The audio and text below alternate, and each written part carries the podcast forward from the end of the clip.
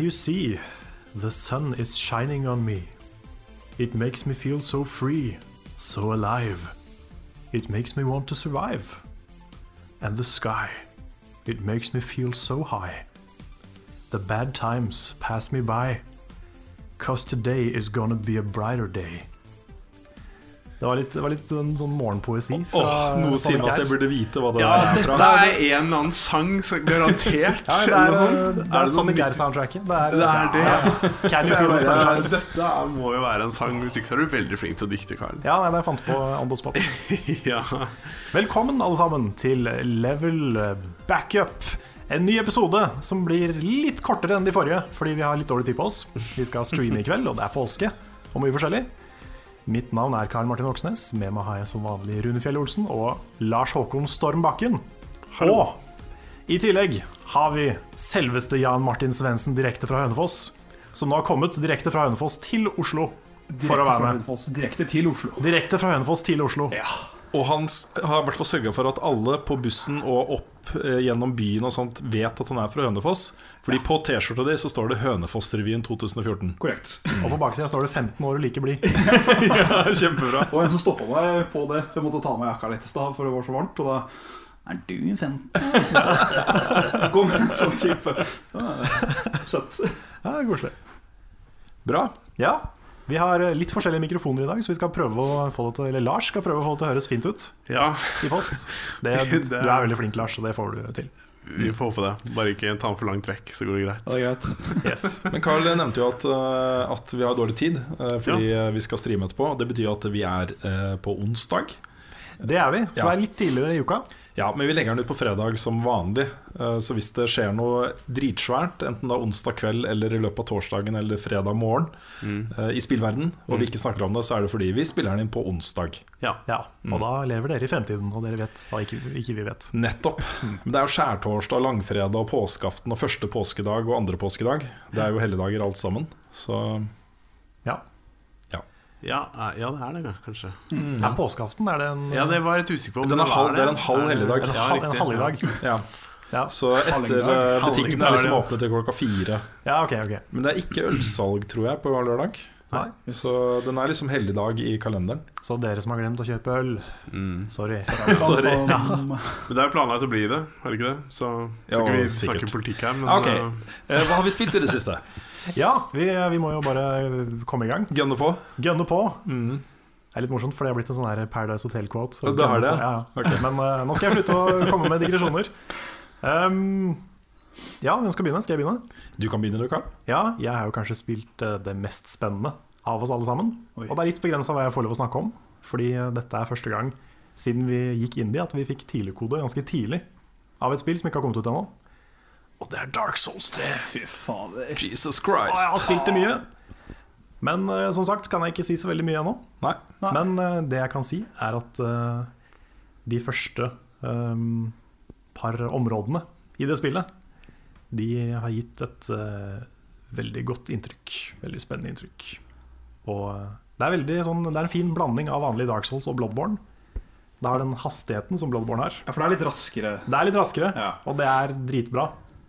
Det er liksom Nei, jeg koser meg. Det, det ligger an til å bli eh, en høydare. Det er så morsomt med sånne tidligkoder vi får eh, tilsendt. Nå har jeg ikke signert noen ting. Nei, Eh, Så det er ikke sånn at Ja, jeg vet ikke hva som kunne skjedd hvis vi bryter betingelsene. Men det er jo sånn, man må jo, gå, man må jo akseptere noen betingelser for å kunne motta ting tidlig. Ja, for det er jo, en, det er jo ganske, ganske tidlig vi har fått det. Ja, det er det. Det er jo nesten en måned i forveien. Ja, Noen uker i hvert fall. Er det 11. april kommer? Ja, Jeg tror det, for det, fordi embargoen er vel 5. april, var det det? Mm. Eller, ja, eller Ja, var det 5. 5. april er embargoen. Ja, nettopp. Riktig. Så, um, så ja, vi, vi må bare være litt game der og ikke Ja, må- si for mye. Jeg føler Når vi får det så tidlig, så kan vi være litt kompis og ikke, ikke spoile ting på internett. og sånne ting Ja, det, det er ikke så hyggelig. Men vi skal jo streame det nå etterpå. Det Så uh, i, i og med at det er fredag nå, så kan du gå på YouTube-kanalen vår og se de første 45 minuttene av uh, spillet. Det kan du. Det er eh, nøyaktig 45 minutter vi får lov å streame, så det, det skal vi gjøre. Jeg skal sitte med stoppeklokka.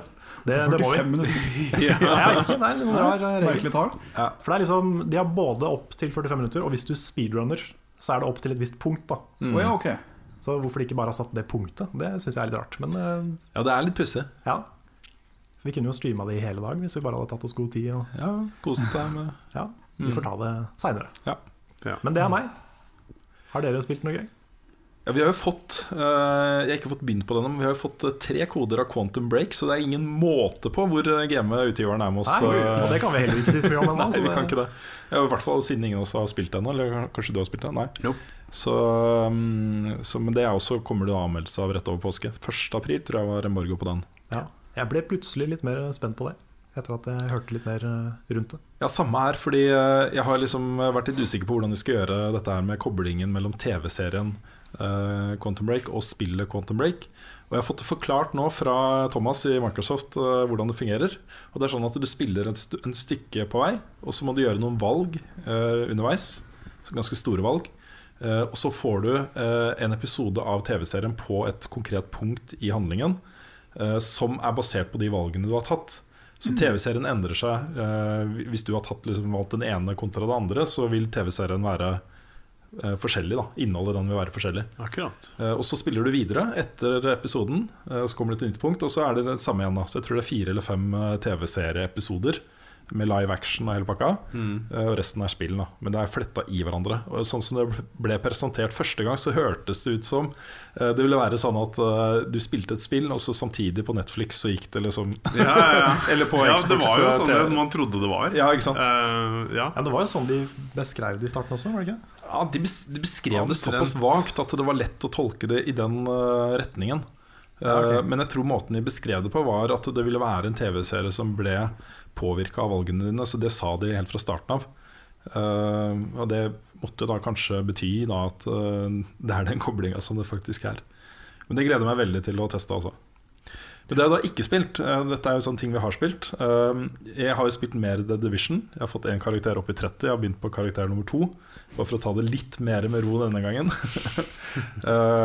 Så der kommer det jo en anmeldelse så fort jeg, fort jeg klarer. Eh, Men jeg kan jo komme med litt mer sånn oppdatert eh, informasjon om hva jeg egentlig syns om spillet nå, kanskje. Ok. Um, jeg er ikke jeg, altså jeg har vært inne på det før, men jeg blir ikke så hekta på det her, altså. Jeg gjør Nei. ikke det. Og uh, det er, det er litt synd, for jeg liker spillet. Jeg syns det er et veldig godt gjennomført spill. Uh, masse kule missions og godt regissert og med kule kamper og jeg elsker liksom alle de der valgmulighetene du har til å, å skreddersy din egen eh, karakter. Men det er på en måte ingen, ingenting av den skreddersømmen som treffer meg i mellomgulvet. Liksom. Ingen, jeg får ikke den der godfølelsen av å sitte med liksom eksklusivt gear som jeg har klart å vinne gjennom egne ferdigheter eller gjennom hell, da, som ofte er tilfellet. Liksom. Men at jeg har fått tak i noe ettertrakta. Noe som liksom gir meg den gode følelsen av å gå rundt med et av de beste våpnene de spiller, eller den beste armoren eller et eller annet. Så jeg, har ikke den følelsen, og det bekymrer meg litt. Så jeg vet ikke helt hvor jeg ender opp her. Nei. Du nikker, Lars. Ja, jeg er, jeg er ganske enig. Men det er, jo, det er jo rett og slett fordi at spillet føles veldig lite personlig. Det er ikke noe våpen som du knytter deg til. Det er vanskelig å knytte seg til karakteren. Det er det for så vidt i Destiny også, men her så er det Jeg vet ikke, det er, det er ingenting som tilsier eh, Eller som gir meg noe som helst eh, connection, da. Men så i Destiny for eksempel, så har jo eh, det har jo kommet en del oppgraderinger til det spillet, hvor det har gått opp i light level og uh, max level. Hvor gammelt gear har blitt overflødig. Hvor du har faktisk kunne gå inn og bare slette det. Du kommer aldri til å få bruk for det igjen. Eh, ja, Med mindre du går tilbake og spiller gammelt innhold. Ja. Men jeg har fortsatt tatt vare på uh, of Glass-våpen. ja. Eh, jeg har tatt vare på hjelmene fra både Crota Raid og Water Glass Raidet. Tatt vare på en del sånne mementoer fra min tid i Destiny fordi jeg har lyst til å ha det. Ja. Fordi når jeg ser de der på karakteren min, så får jeg liksom tilbake den følelsen av hvordan det var å gå inn i de opplevelsene for første gang. ja. Uh, og det er Ja, jeg, jeg kan ikke se for meg at det samme vil skje i eh, Division ennå. Nei, det er uh, akkurat den samme følelsen jeg uh, sitter med, Ja. faktisk. Så um, Greit, men er, er, generelt, generelt så er det et godt laga spill. Så jeg må bare tenke meg litt om og prøve å formulere en slags anmeldelse etter hvert. Så det kommer snart. Ja. Men jeg har spilt et par andre ting. Det ene er jo betaen til Trackmania Turbo, som var kjempegøy. Okay. Ja, det var kjempemorsomt. Jeg spilte det i helgen. Uh, og uh, det kommer jo nå allerede på fredag, så det er jo rett rundt hjørnet. Uh, det eneste som plaga meg med den betaen, var at ikke du kunne skru av ghostene til de andre spillerne du spilte mot. på den. Jeg fant i hvert fall ikke den funksjonen. Og det er litt tragisk når jeg var inne på en server med 140 andre spillere. Oi, fordi, du fordi hadde klarer- biler overalt, Det da. Ja, biler overalt, Ah. og biler overalt. Oh, Jesus. Så det ble litt plagsomt. Og det er, det, Det er er sånn, det er kult å se det sånn visuelt, men du klarer jo ikke å kjøre så bra som du egentlig kan. Da. Så det må komme, altså. Det må komme i fullversjonen, muligheten å skru av ghostene fra de andre bilene. Så selv om det Ja. da føles litt sånn mer ensomt å kjøre alene på en sånn bane, så klarer du i hvert fall å kjøre bedre. Ja. Da er det deg og banen istedenfor så mye støy. Nettopp.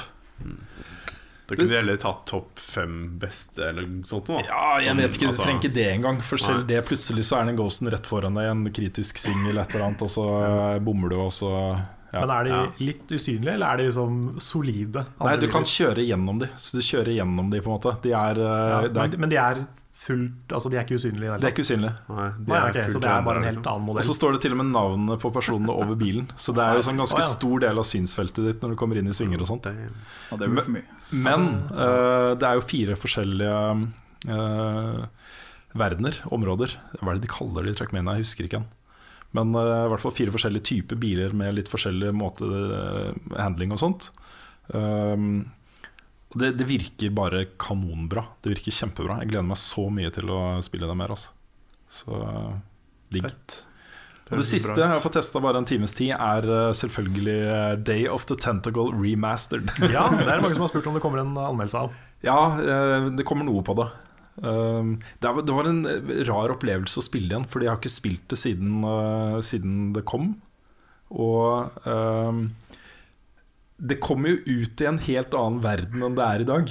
Også på den tida, det at det kom spill som var så rendyrka på humor og sånne ting, det gjorde et veldig, veldig sterkt inntrykk, da. Um, jeg vet ikke om det hadde blitt like godt tatt imot hvis det kom ut for første gang i dag. Jeg tror det har mye eh, Det har veldig sterk sånn nostalgieffekt på alle oss som eh, elska de gamle LucasArt-spillene på 90-tallet. Um, og det er fortsatt veldig morsomt. Men det er et pek og klikk-spill. Litt sånn old fashioned uh, pek og klikk-spill. Som er modernisert litt uh, til håndkontrollere, for jeg spilte det på PS4. men, uh, men det er gøy også. Uh, ja, det er sånn jeg gleder meg virkelig til å gå tilbake til det. Gjenoppleve alle de vitsene, for det er så mange av de jeg- Vi snakka om det sist gang, at det, når det har gått en stund, så glemmer man på en måte. Mm. Og det er de vitsene som er her, de kule, rare, absurde tingene du skal gjøre i dette spillet. Mm. Jeg har glemt mye. Veldig mye. Jeg Ja. husker mye også, men eh, jeg ler fortsatt. Så Ja. Ja, det er et bra spill. ja, det er Det kjempespill. er 100 år siden jeg har spilt det, så kanskje Ja, jeg skal ikke ta opp igjen eh, den som kommer nå. Ja, det er ute, så det er bare Ja. å sette i gang, Lars. Ja. Mm. Ja, men det skal jeg gjøre. Ja. Jeg har spilt øhm, egentlig bare The Division, men det jeg har øh, planlagt å gjøre, eh, siden det er påske nå, er å sette meg ned og spille øhm, Er det definitive eller remastered version av Dishonored? Jeg skal spille det og ghoste det, har jeg bestemt meg for. Det er en av de kuleste spillopplevelsene jeg har hatt. ja, så øhm, det har jeg satt av tid og planlagt å gjøre nå i øh, påsken. Så Kanskje et klassikerinnslag? Ja, I hvert fall sånn i forkant av, eh, av Dishonored 2. ja, kanskje. Mm. Bare for å gi deg litt sånn påskehjemmelekser. Ja, Så skulle du liksom kose jeg hadde fri i påsken. Ja, du skulle liksom sette deg bare kose deg, ikke tenke på at du skal lage videoer, og så kommer vi bare Hei, Lars! Om du husker mens du spiller, så må du analysere hver eneste lille Ja, detalj. Ta notater mens du Ja. spiller. Det er Ja. kjempeviktig. ja, jeg skal ha med meg folk i tillegg som kan øh, hjelpe meg med å holde styr på alt. Så, Ja. mm, Du må ha en sånn, der, en sånn liten sånn Greg eller et eller annet som bare kan sitte ved Ja, siden ja, ja. av og notere for deg. Ja, nei, men det, det skal jeg gjøre. Nei, men det, det, det, jeg har hørt så mye bra om det spillet i all sin tid, så det er sånn nå må jeg bare gjøre det. Og jeg har hatt det spillet liggende på PlayStation så lenge uten å ha spilt det. Kommer ikke til å angre. Så, nei, jeg vet, men det var liksom Jeg ville finne den perfekte tiden og tenkte sånn Nå er det påske og ro og fred, og nå er det sånn Nå skal jeg ta meg tid til det. Det er konge, det spillet. Altså. Så ja. Og så Ja, vår, vært, eh, eh, vår eh, fantastiske gjest. da har vi vært veldig uhøflige. og latt Ja, det var, jeg, tenkte på, jeg tenkte på det da jeg satt og snakka. Liksom. Vi burde jo starta med Svendsen. Burde gjort det. Ja. Er det ikke gjesten til slutt? Er det ikke sånn det var? Ja, nå, kan du, nå kan du prate lenge for å gjøre opp for det. ja, ikke sant? Ja, Hvis du vil. jeg har jo mye å si jo da Ja. forstand, For jeg har jo ikke spilt så forferdelig mye Men uh, fra i går kveld til langt ut på natt Så spilte jeg jo eh, Fallout 4 Atomatron ja, nettopp. Som er DLC-en Og nå har Fallout blitt et skikkelig guttespill For uh, det er jo rett og slett Robot customization the game nå Og Oi, oi, oi. ingenting er jo kulere enn å lage din egen robot For så å sende ut den mot andre roboter Og bare doom mayhem overalt. Um, så det var, eh, det var veldig gøy. Mm. Litt for gøy. Det var sånn så på klokka Å, fire, ja, riktig. Kanskje legge seg snart. Nei, jeg spiller litt til, da. Så ble det vel fem. Men uh, Jeg har vært der de siste par dagene, jeg òg. har det Ja, Ja. forståelig. Og det eh, Jeg begynte å plukke opp Fallout igjen for en sånn to uker siden. Uh, for jeg har ikke spilt det noe særlig siden uh, reviewen, egentlig. Men nå har jeg jo spilt det gjennom to eller tre ganger siden jeg begynte. Mm. Og det å begynne på nytt nå da, med ny content det, Jeg merker at det fresher opp hele spillet på en veldig god måte. Mm. Hvordan er det integrert? Er det integrert i liksom Um, Eller er det en Fallout har alltid vært sånn at uh, når det er en DLC som er iblanda, så plutselig får du en ny um, Jo, færre Hvis, hvis dere hører den lyden, så er det kjøleskapet mitt som, Er det eh, det det som noen ganger bestemmer seg for å bråke litt. Det var kvinete lyd. Ja. Ja.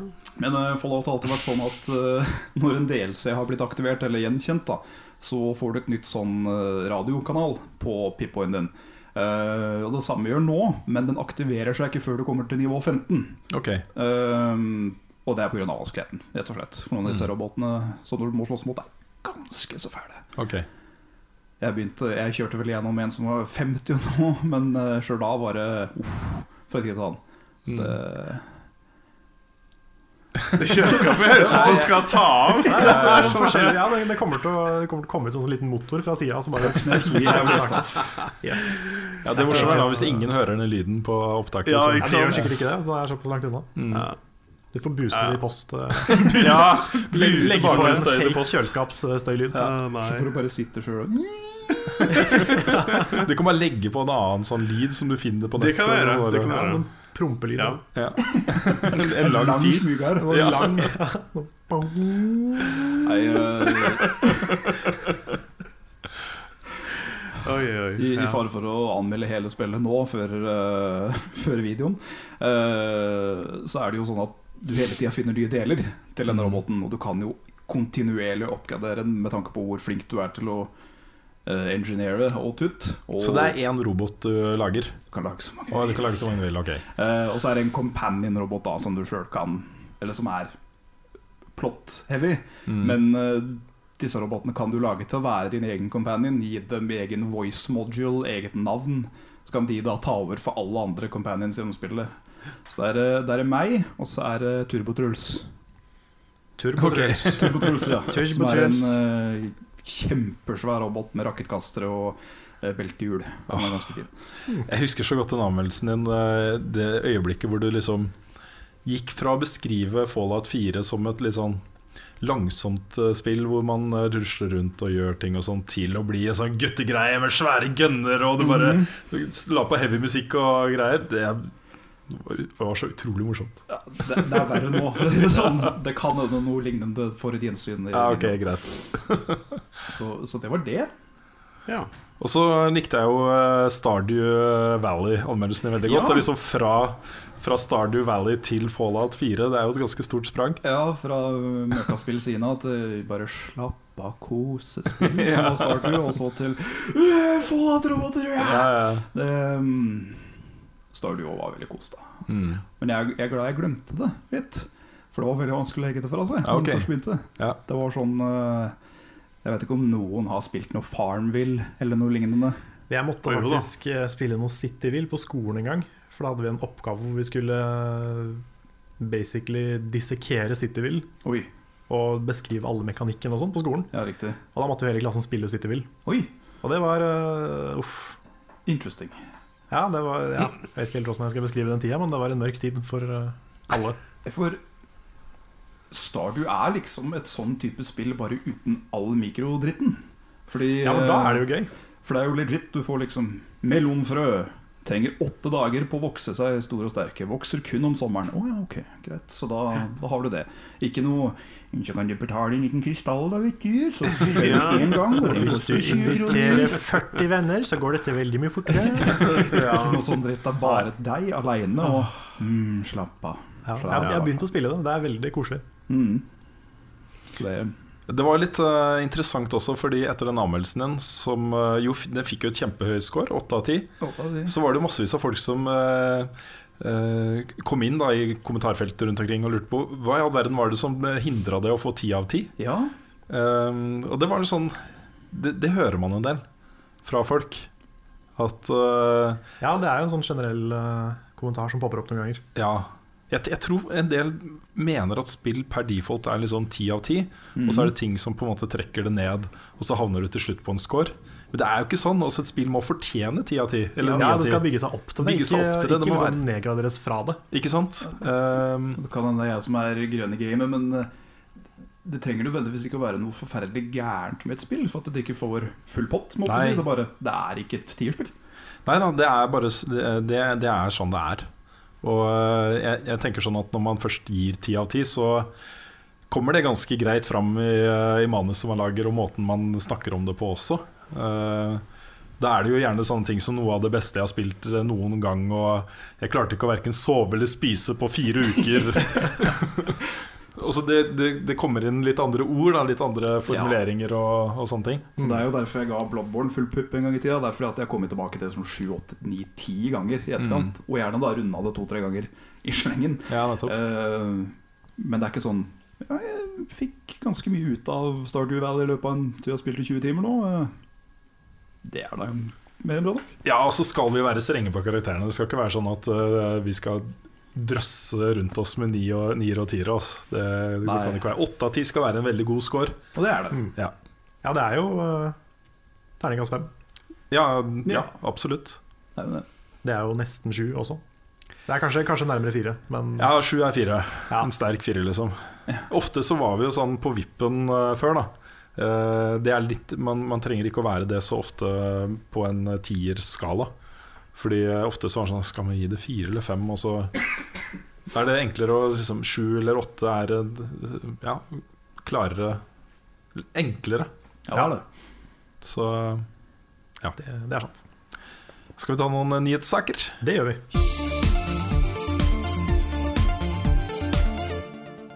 Det er tid for nyheter, og Rune har et eller annet på planen. Gå ut fra. Ja da, jeg har jo det. Eh, Jeg har ikke så voldsomt mange punkter eh, denne gangen, for vi skal prøve å være litt kjappe.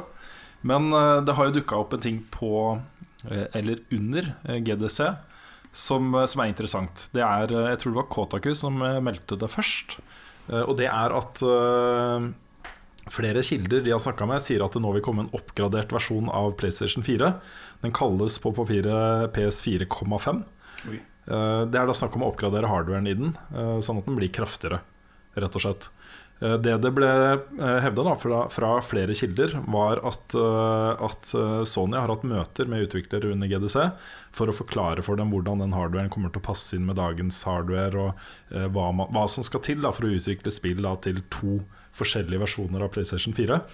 Uh, det var jeg tror dette stemmer også, fordi det kom flere uavhengige kilder på dette her også fra andre medier. Det var annet noen som hadde overhørt en samtale mellom noen i en kø, hvor de snakka om PS4,5 og ganske i detalj da, på hva, hva slags type hardware det var eh, snakk om, og, og sånne ting.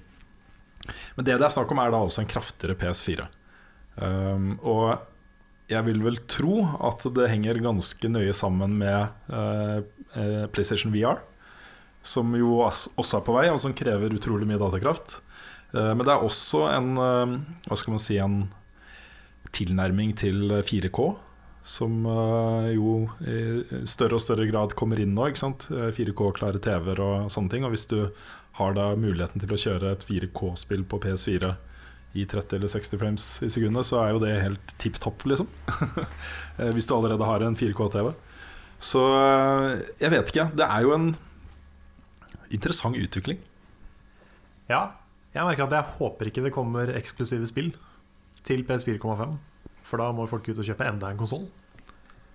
Men uh, hvis det bare er litt sånn Kanskje en litt avansert versjon av PlayStation 3 Slim, da, eksempel, så er jo det fair. Ja, men har ikke det skjedd før? Uh, Nintendo har vel gitt ut noen eh, Ja, oppgra- new, oppgradering? eh, new 3DS. Nettopp. Mm. Men det jeg er ikke så fan av at det heller skjedde. Nei. Sånn eh, når eh, du må ha en ny konsoll for å kjøpe det ene spillet som bare funker på new 3DS. Mm. Det er ikke en trend jeg digger, merker jeg. Nei. Men samtidig, da. eh, PS4 og Xbox One er jo basically en PC nå. Eh, Og på PC så er det jo sånn at folk sitter jo med hele spekteret av eh, hardware. Det burde jo være mulig å uh, optimalisere spill for to bare to settinger, også på, eh, på PS4. Mm. Vil jeg tro. Ja, Nå har vel også øh, Xbox øh, sagt at det skal komme en mulighet for å oppgradere den? Skal Ja, det det de har sagt, er vel, eh, er vel en slags sånn filosofisk uttalelse om eh, fremtiden til konsoller. Mm. Eh, som jo går på at, eh, at eh, de ser for seg en fremtid hvor det skal være mulig å bytte ut komponenter i, i konsollen. Ja. Um, og det, ja. Jeg tenker at det, det kan være en bra ting, men jeg er også litt sånn skeptisk til at hvem vil det gå utover i forhold til nye spill? Mm. Vil de som har den gamle eller originale PS4-en slite med kanskje framerate eller sånne type ting, da? Um, ja, det er en eh, det, som, det som skjer, ikke sant, det er jo at når utviklerne har dette her uh, som en option ja.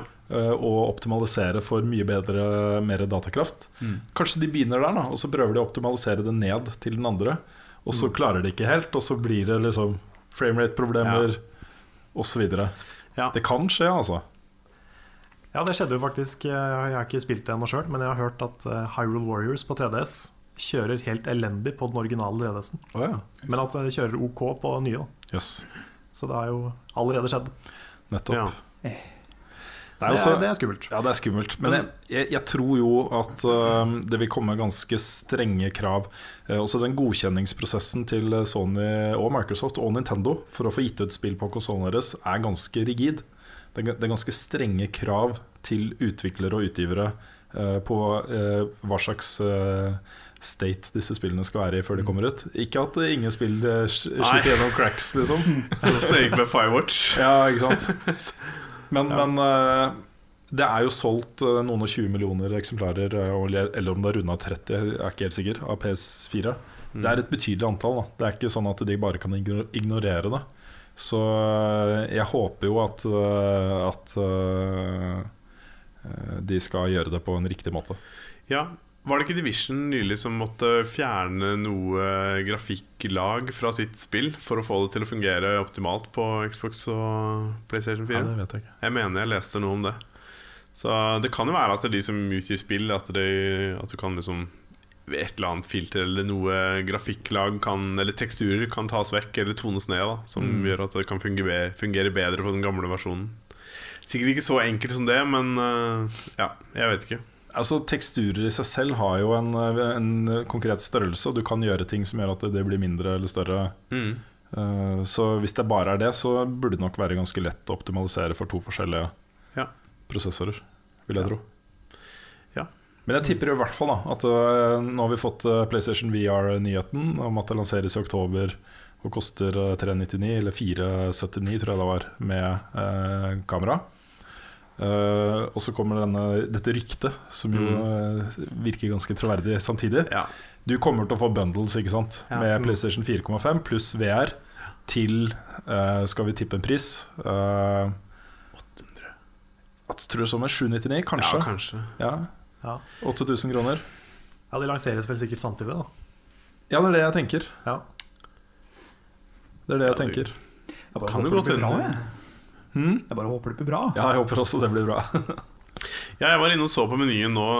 Så er det jo PlayStation, PlayStation Store Så er det en sånn egen VR-seksjon. Er. Og der er det jo spill og ting du kan se, og hva som kommer. Og jeg må jo si at noe av det ser jo interessant ut.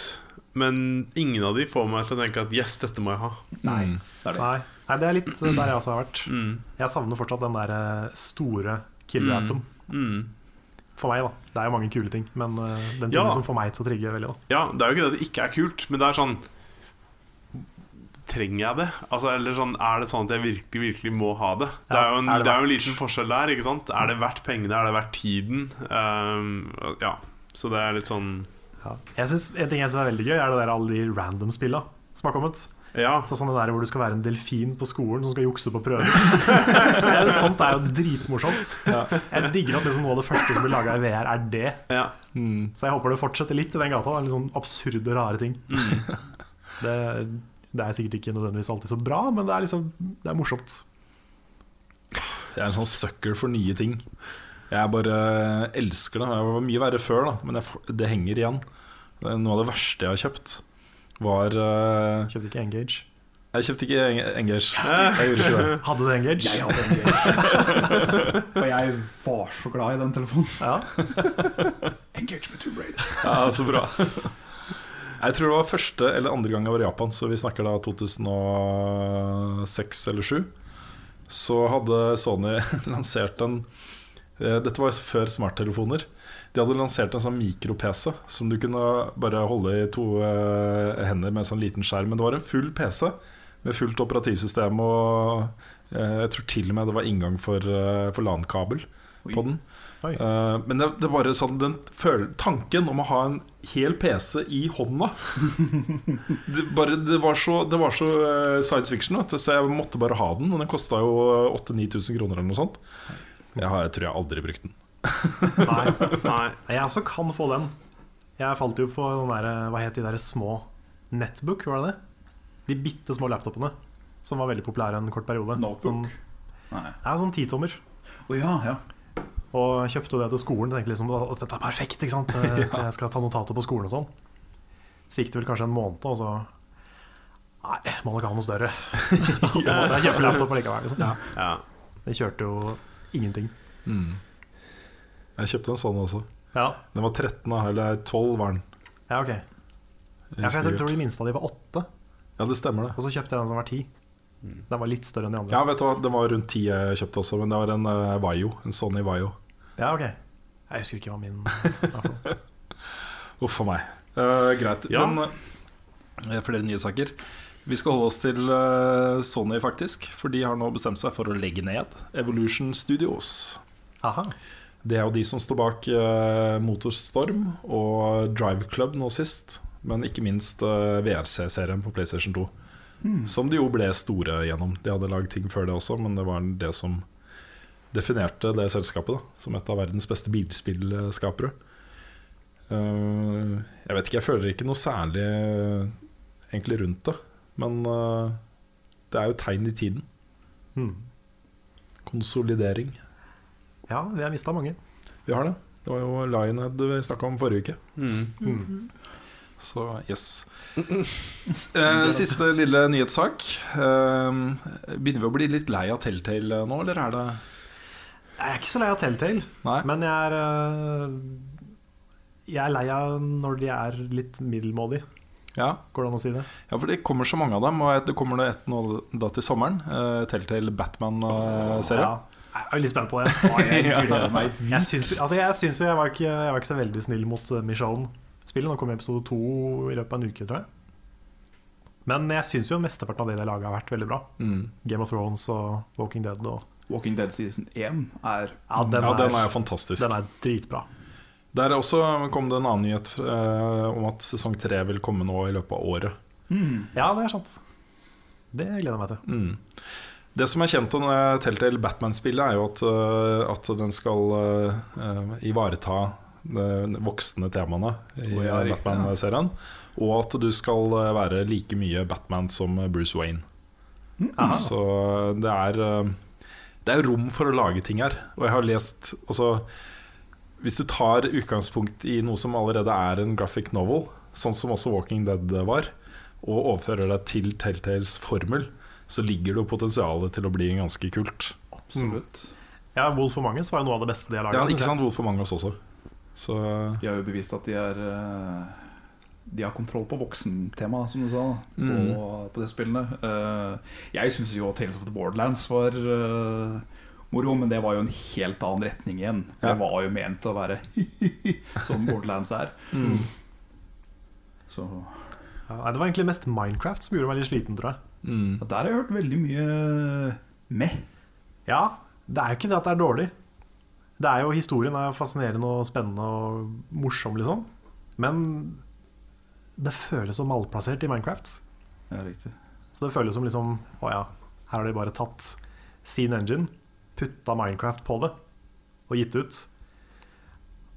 Og det er Kanskje jeg er litt for gammel for historien, men jeg, det fe- fenga ikke så veldig, altså. Det er litt sånn snodig, for du tar jo da et spill som egentlig ikke har noe story overhodet, og så skal du plutselig gi det en dyp mening. Det, Ja, jeg skulle ønske de gjorde noe litt mer annerledes enn de vanlige Telltale-spillene. Når de først hadde Minecraft. Mm. Det er kanskje det jeg savna mest. Ikke Ja, jeg vet det ikke.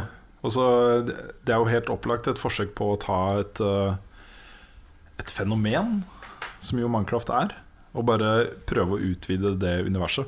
Mm. Fordi eh, det er så utrolig mange millioner mennesker rundt omkring i verden som har et forhold til Minecraft.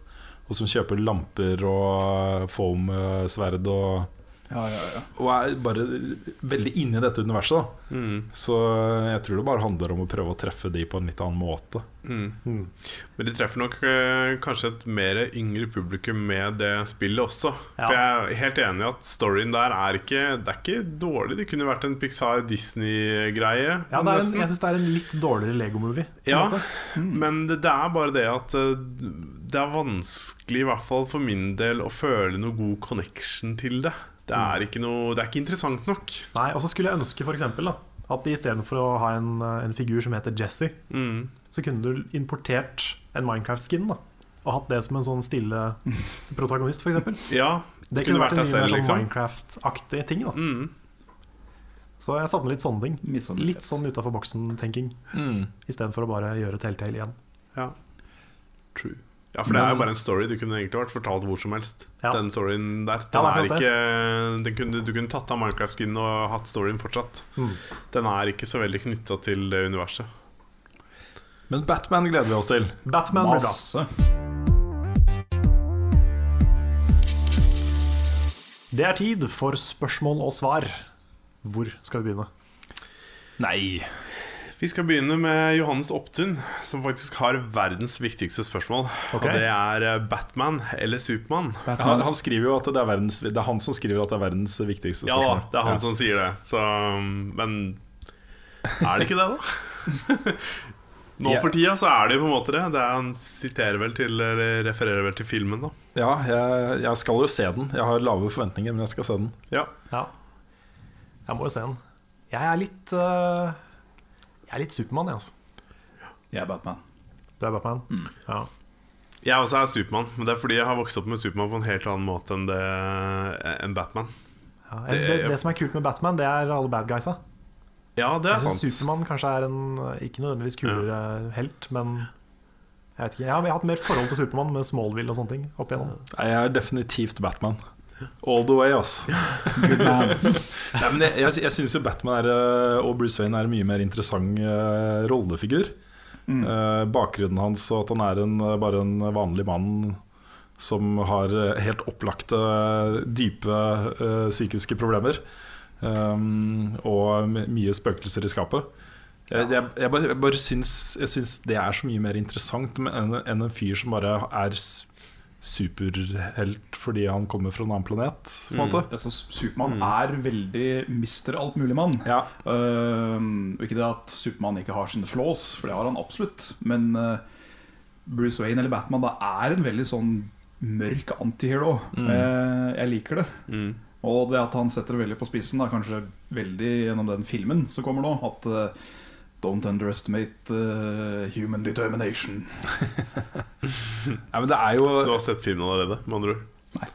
Bare traileren, tenker jeg. Ja, ikke sant? Men jeg tenkte sånn, Har du sett Altså, traileren, så har du sett filmen. filmen, Ja, liksom. det er det som er problemet. Jeg, jeg har ikke sett traileren. Jeg er bombesikker på at jeg veit nå absolutt hvordan hele denne filmen kommer til å gå. Gjennom den forbanna traileren. Og det er Den Det liker jeg viste, ikke, altså. nei, den viste altfor mye.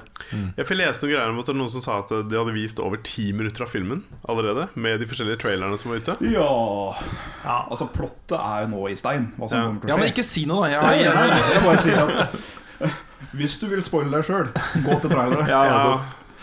Ja. Men da, hver gang det er snakk om Batman, så eh, må jeg trekke fram eh, Frank Millers eh, Batman. Han har jo laget en trilogi som heter The Dark Knight Returns. eh, hvor Den foregår jo ti år etter at Batman har lagt opp. Eh, og så kommer liksom de indre demonene hans mer og mer fram. Og så til slutt så bare klarer han ikke å motstå liksom presset fra den indre flaggermusen. Mm. Og han setter ut igjen da som 60-åring ikke sant for å ta Mm. bad guys. Mm. Og der er det jo en sånn epic showdown mellom Supermann og Batman også. Det er, Mm. en av, eh, det er tre bøker, eh, og en av de handler om det. Hvor da Supermann er jo eh, på en måte Ronald Reagans høyre hånd. Sånn symbol på, på det rene Amerika, Mm. på en måte. Eh, og Batman er jo på en måte folkets røst, ikke sant? som kommer Mm. fra undergrunnen og skal kjempe, nedkjempe ondskapen med alle tilgjengelige midler. ikke sant? Mm. Hele den greia der er så kul. Altså. Den er så bra. Jeg skjønner ikke at ingen har filmatisert den. Jeg vil skulle til å si, Er det ikke det den filmen er basert på? Ja, delvis, men det fins Den er animert. Så du kan faktisk gå tror jeg, på Netflix og se animasjonsfilmen. Den har jeg sett når jeg tenker over den. Ja, ikke sant? Ja, for den er veldig gritty, veldig Ja, mørkt tegna. Ja, Veldig. Den er uh, fin, den. Ja, Den er utrolig bra, altså. så uh, anbefales på det varmeste. Selv om jeg oppdaga i nyere tid at Frank Miller er jo Jeg, jeg leste de bøkene som, eh, som på en måte kritikk av det amerikanske samfunnet. Uh, men han er jo en høyreradikaler. Uh, tydeligvis. Så egentlig så mener han jo på en måte alt det som, Ja, som fremstår som satire i de bøkene. Ja, for- men hvis han har gjort Supermann høyreekstrem, så vil jeg si han har misforstått Ja, ikke høyreekstrem. Han er Ronald Reagans høyrehånd. Han er på en måte styre, amerikanske styresmakters verktøy da, Ja, for å ja, for jeg kjempe. føler jo ikke det er det Supermann er. Nei, men også i den, i den så er han det. Ja, ok, ja. Så, men han er jo så Supermann er jo en tvers gjennom good guy, på en måte. Han er jo det. ja, Han er jo akkurat den samme figuren som Captain America, egentlig. Ja.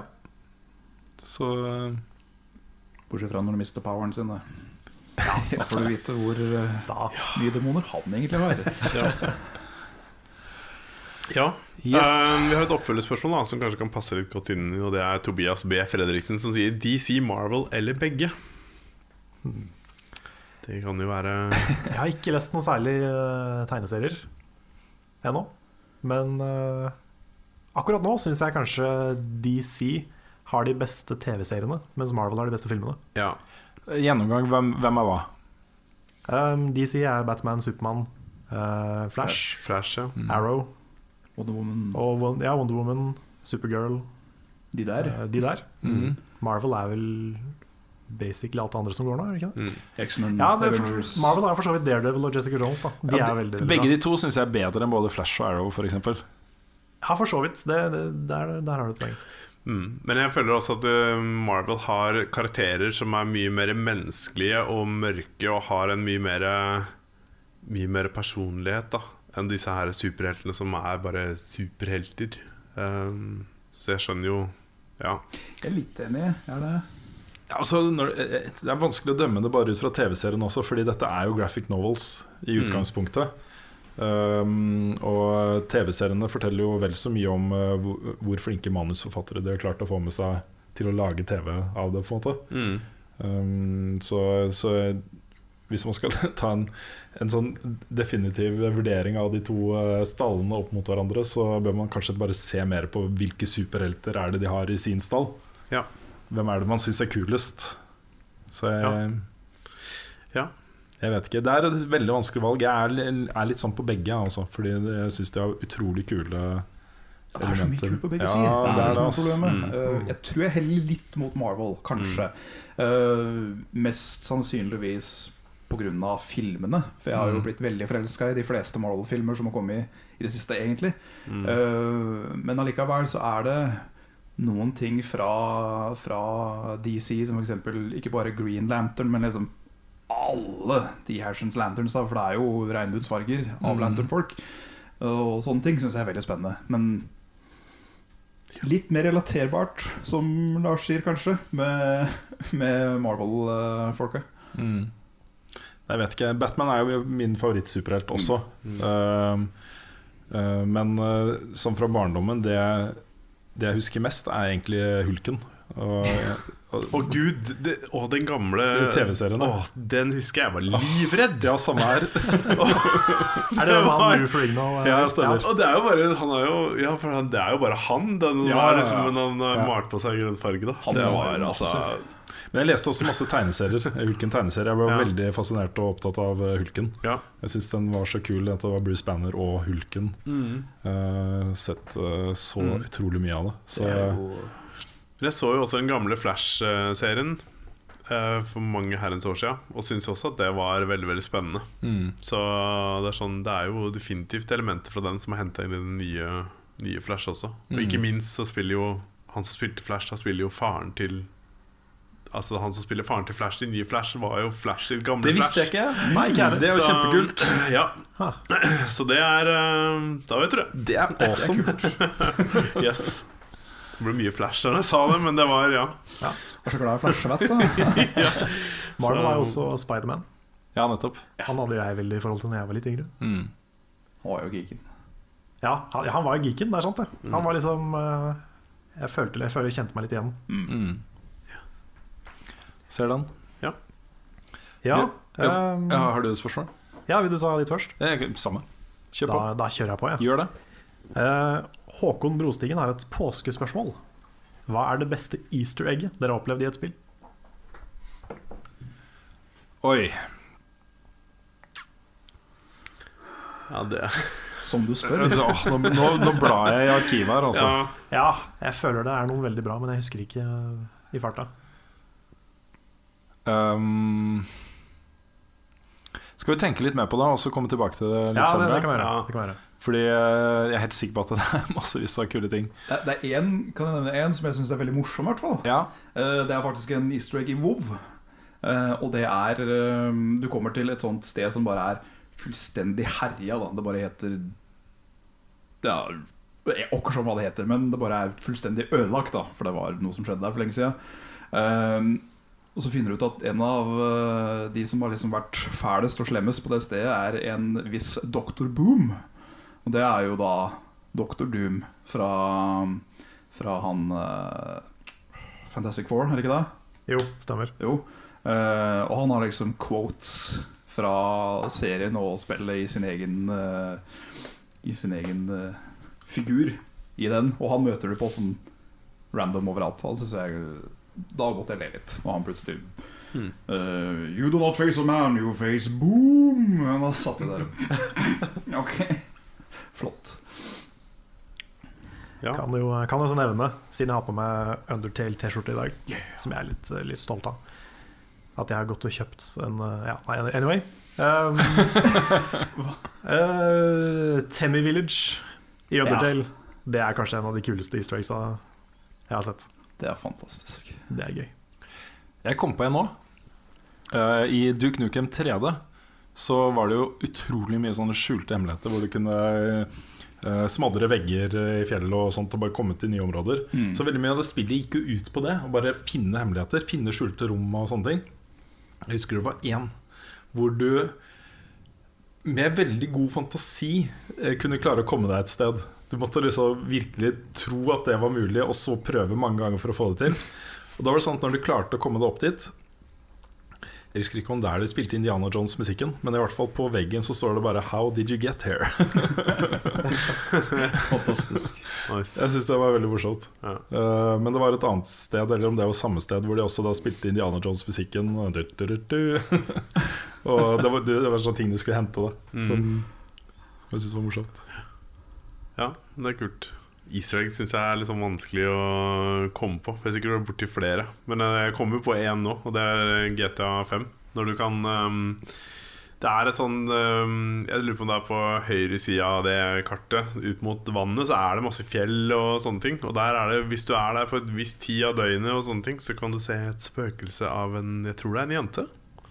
Det er, eh, den, Eh, det er det siste easter egget jeg husker at jeg på en måte liksom har fått med meg. Den er faktisk ganske creepy. da Den er litt creepy, fordi at du, du står der, og så plutselig så er det liksom noen ting i det spillet som bare ikke passer inn med resten av stilen i det hele tatt.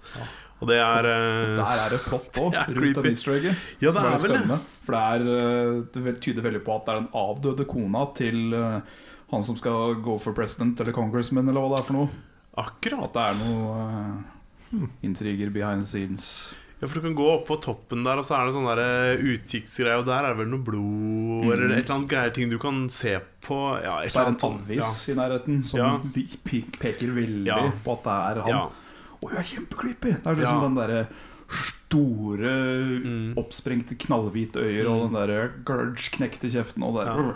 Jeg husker når jeg sjekka ut den, og den var ganske sånn Den er Den var ikke så hyggelig. Nei, den, det er creepy. Ja, den er Creeps- creepy. Creepster egg. Yes. Creepstreg, ja. Apropos den der spøkelsesjenta i Pokémon X og Y. Å, fy fader, hun var ekkel. Ja, hun var faktisk overraskende ekkel. Å, hun er grusom. For du bare går rundt i den byen, og alt er koselig og fint, og det er Pokémon og sånn. Og så kommer du til en heis, Ja. og så blir det helt mørkt. Det gjorde det ikke bedre at lyset i leiligheten min gikk akkurat idet det skjedde. Nei, nei, nei. Eh, og så kommer den der liksom mørke, ekle jenta som ikke liksom har noen animasjoner. Nei, hun er bare helt stiv. Hun bare er helt stiv og liksom flyter bortover. Og så et eller annet som er sånn You're not the one. Nei, du, det er ikke deg. Det er ikke deg. Og så forsvinner det, og så er alt fint. Ja. Det blir aldri nevnt igjen. Hun dukker opp en gang til seinere i uh, Alpha Sapphire og uh, Ome Omega Ruby. Er det? Ja, Ja. gjør ja. det? På bossfighten, eh, en av Elite Forsa, så ser du hun sitter i en stol i en sånn par frames, og så forsvinner hun igjen. Å, herregud. Og akkurat da liksom når kameraet beveger seg da tilbake henne, så ser du plutselig hun er der, beveger seg fra tilbake igjen, og da er hun borte. Oi, oi, oi. Så det er sånn Unødvendig creepy Hva er, det, hva, er det, hva er det de driver med, Pokémon? Stop Vi creeping har me bare out. kjapt dytte nå at Serious Sam er kanskje en av kongen nå av easter eggs. Herregud, hver eneste bane har vel fire eller fem secrets, som gjerne er noe referanse av noe slag. Ja. Yes. Skal jeg ta et nytt uh, spørsmål? Go for på. it. Det er uh, Nils André Flatebø som uh, sier Hvilke tanker har dere rundt en oppfølger til Red Dead Redemption? Kommer det, og når kommer det? Det kommer. Ja, det, det gjør vel det. Nei, Uh, sommeren eller høsten 2017. ok Nei, det er bare sånn et, det, det, det kan hende at, uh, at uh, Rockstar tar en, uh, en valve og bare annonser det, og så sier at det, det kommer om tre måneder. Mm. Men mest sannsynlig så kommer vi til å høre mer om det i litt lengre tid i forveien, tror jeg. Så i og med at det ikke er offisielt annonsa ennå, så tenker jeg vi snakker 2017. Mm. Men det går jo sterke rykter om at det er under utvikling. Så ja, Og all logikk tilsier jo at det vil komme et Red Dead Redemption 2. Ja, for herregud, for et bra spill. Ja, det er altså. fantastisk. Det er eh, Jeg savner det. det er, hadde det kommet som en remake til PS4, hadde jeg kjøpt det glatt. For det, er- det er så bra. Det Mm. er kanskje Det er i hvert fall på eh, topp 10-lista mi. Det er veldig, veldig, veldig bra. Mm. Og bare måten uh, den verden er laga på, Mm. det å bare ri rundt der, Mm. så utrolig kult. Å jakte på dyr Ja, og ja, veldig. Du føler deg eh, Nå vet ikke jeg hvordan det var å være en del av eh, Vesten, Ville Vesten. Men du føler deg virkelig eh, Virkelig i en cowboyfilm, altså, Mm. når du spiller det. Så det bør prøves, altså. Det bør prøves. Har du ikke spilt det? Å, herregud, så mye du har å glede deg til. Ja, det Ja, det, må du gjøre. altså. Det er så bra. Men det var litt interessant også, Fordi i den perioden så skjedde det ganske mye kult uh, rundt uh, western-ting. for, for min del, i hvert fall. Oh, ja. Fordi i den perioden så begynte jeg også å lese en bok som heter Blood Meridian. eh, Cormac McCarthy. Som jo er en realistisk skildring av hvordan det var i Det ville vesten på den tiden. Og det er jo en Hva skal man si? Det er elementer av det i Red Dead Redemption. Den er mer underholdningsprega enn den den det er. Mm. Um, men uh, Blood Meridian, altså, det er uh, jeg, hadde ikke lyst, uh, etter å ha lest den, til å være i den tida. Det var jo sånn Det var jo lovløst. Ja, skulle du si det. er jo ganske ganske Du eh, risikerte å bli drept bare du prompa i feil saloon, liksom. Um, så ja. Det er litt morsomt, fordi den tar for seg samme perioden. At Mm. det blir gradvis mer og mer lovlydig samfunn. Eh, flere lover og regler og eh, institusjoner som sørger for at folk ikke bryter loven og sånne ting. Hmm. Ja. Og Deadwood kommer rundt da også, som er en helt insane bra TV-serie. ja, det er det tre med han av. som ikke husker navnet på akkurat nå? Og- Timothy Oliphant spiller hovedrollen Ja, er det ikke en annen kjent skuespiller der òg? Jeg, Jo, han, jeg bare ser han for eh, meg, jeg klarer ikke å si navnet hans. Ha- Jeg husker ikke hva han heter, men uh, Svergen, uh, spiller han i den serien. Saloon-eier. Ok, ja. ja. Den har jeg ikke sett, men jeg har sett Nei, er helt- det er helt fantastisk. sett noe om det. Mm. Yes. Jeg har et spørsmål her fra Vegard Aaserud. Holder på å spille gjennom Uncharted-serien for første gang. Og skal begynne på nummer to, Among Thieves. Hvilken score ville dere gitt det hvis dere hadde anmeldt det nå? Og det er jo det beste Uncharted-spillet. Sånn uten tvil. Det er så bra. Jeg bare, jeg, jeg, jeg stemmer gikk litt opp fordi jeg bare Jeg følte sånn glede Jeg følte sånn glede over at en person skulle oppleve dette spillet Ja, det første gang. det var sånn der- det var det jeg kjente òg. Det var litt sånn Jeg har vunnet en million! Ja, Det er Vegard som har vunnet en million, Fordi ja. det er jo et av tidenes beste spill. Det er så bra, det spillet. Så jeg ville nok fortsatt gitt en sekser i dag. Eller en ti av ti. Eller Kanskje ja, Jeg vet ikke. Jeg må nesten spille det igjen. Men uh... Ja, gud bedre, det er noen scener altså, i det spillet der som jeg aldri har opplevd i noe annet spill. For eksempel når du kommer inn i dette huset som begynner å rase sammen. Hvor du da hele, hele plattformen og tingene du er på, altså dette huset er i bevegelse, samtidig som du har fri, full frihet til å selv bevege deg rundt, og du skal skyte fiender, mens alle møbler og ting og tang flyr rundt deg. Det er en, det er en sånn Det er en helt drøy scene. Og når man så den første gangen på E3, så man bare sånn Dette her, hvordan er det mulig? Og så kom spillet, og så var det bare enda bedre. ja. Det var um, Åh, det spillet, ass. Det Det er er så bra. bygd opp på en så bra måte også, fordi du Ja. har noen veldig lange, veldig rolige perioder der. eh, som gir deg liksom en sånn pusterom i eh, det som ellers er en ganske actiontung opplevelse. Eh, og så har du den derre følelsen av å komme inn et sted hvor det er bare Det ser helt fantastisk ut. Eldgammel sivilisasjon. Ikke sant? Eh, finne gjenstander. Mm. Sanne ting, liksom, i tillegg. Mm. Uh, og et veldig kult sånn coverbasert, coverbasert eh, skyte, skytesystem.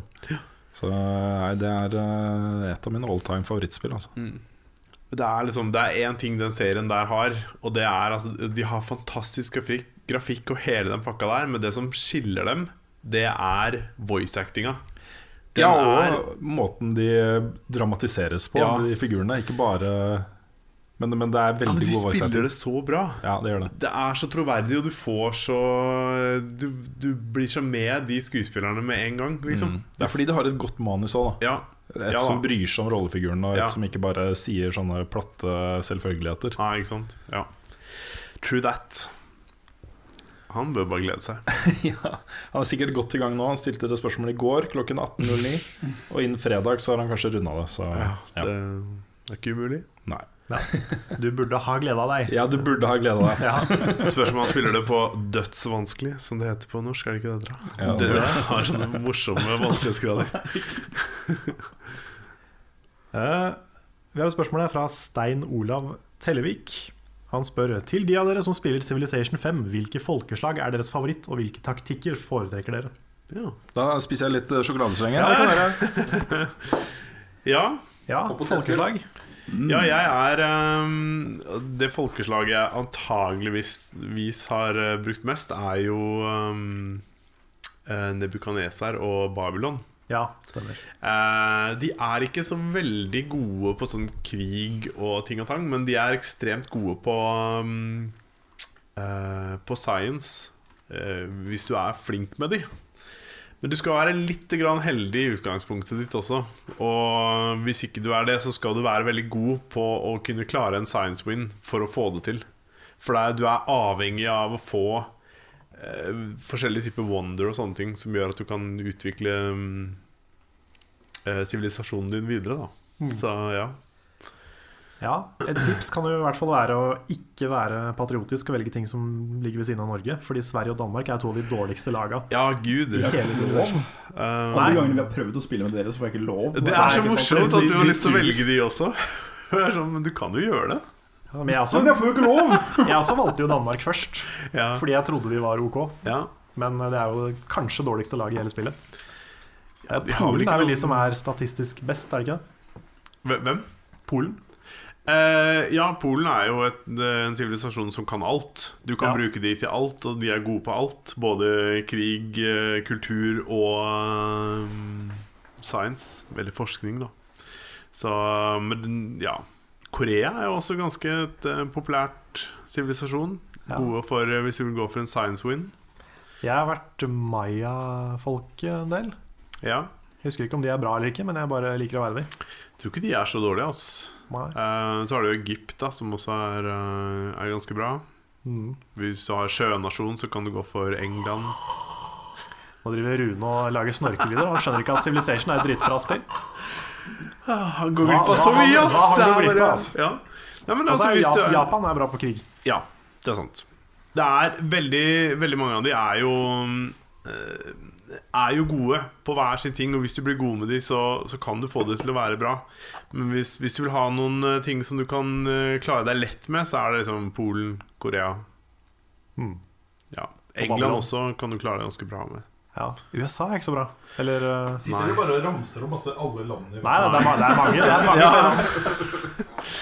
Ja, Man spurte jo om en startsivilisasjon. Ja, ja, det, det- jo, det er jo land i verden. Er det, har dere nevnt 50 land? eller er det- Altså, det, dette er viktig info hvis du skal begynne med Civ. Uh, nei, altså Men sånn taktikkmessig, altså Jeg pleier alltid å gå for science. Ja.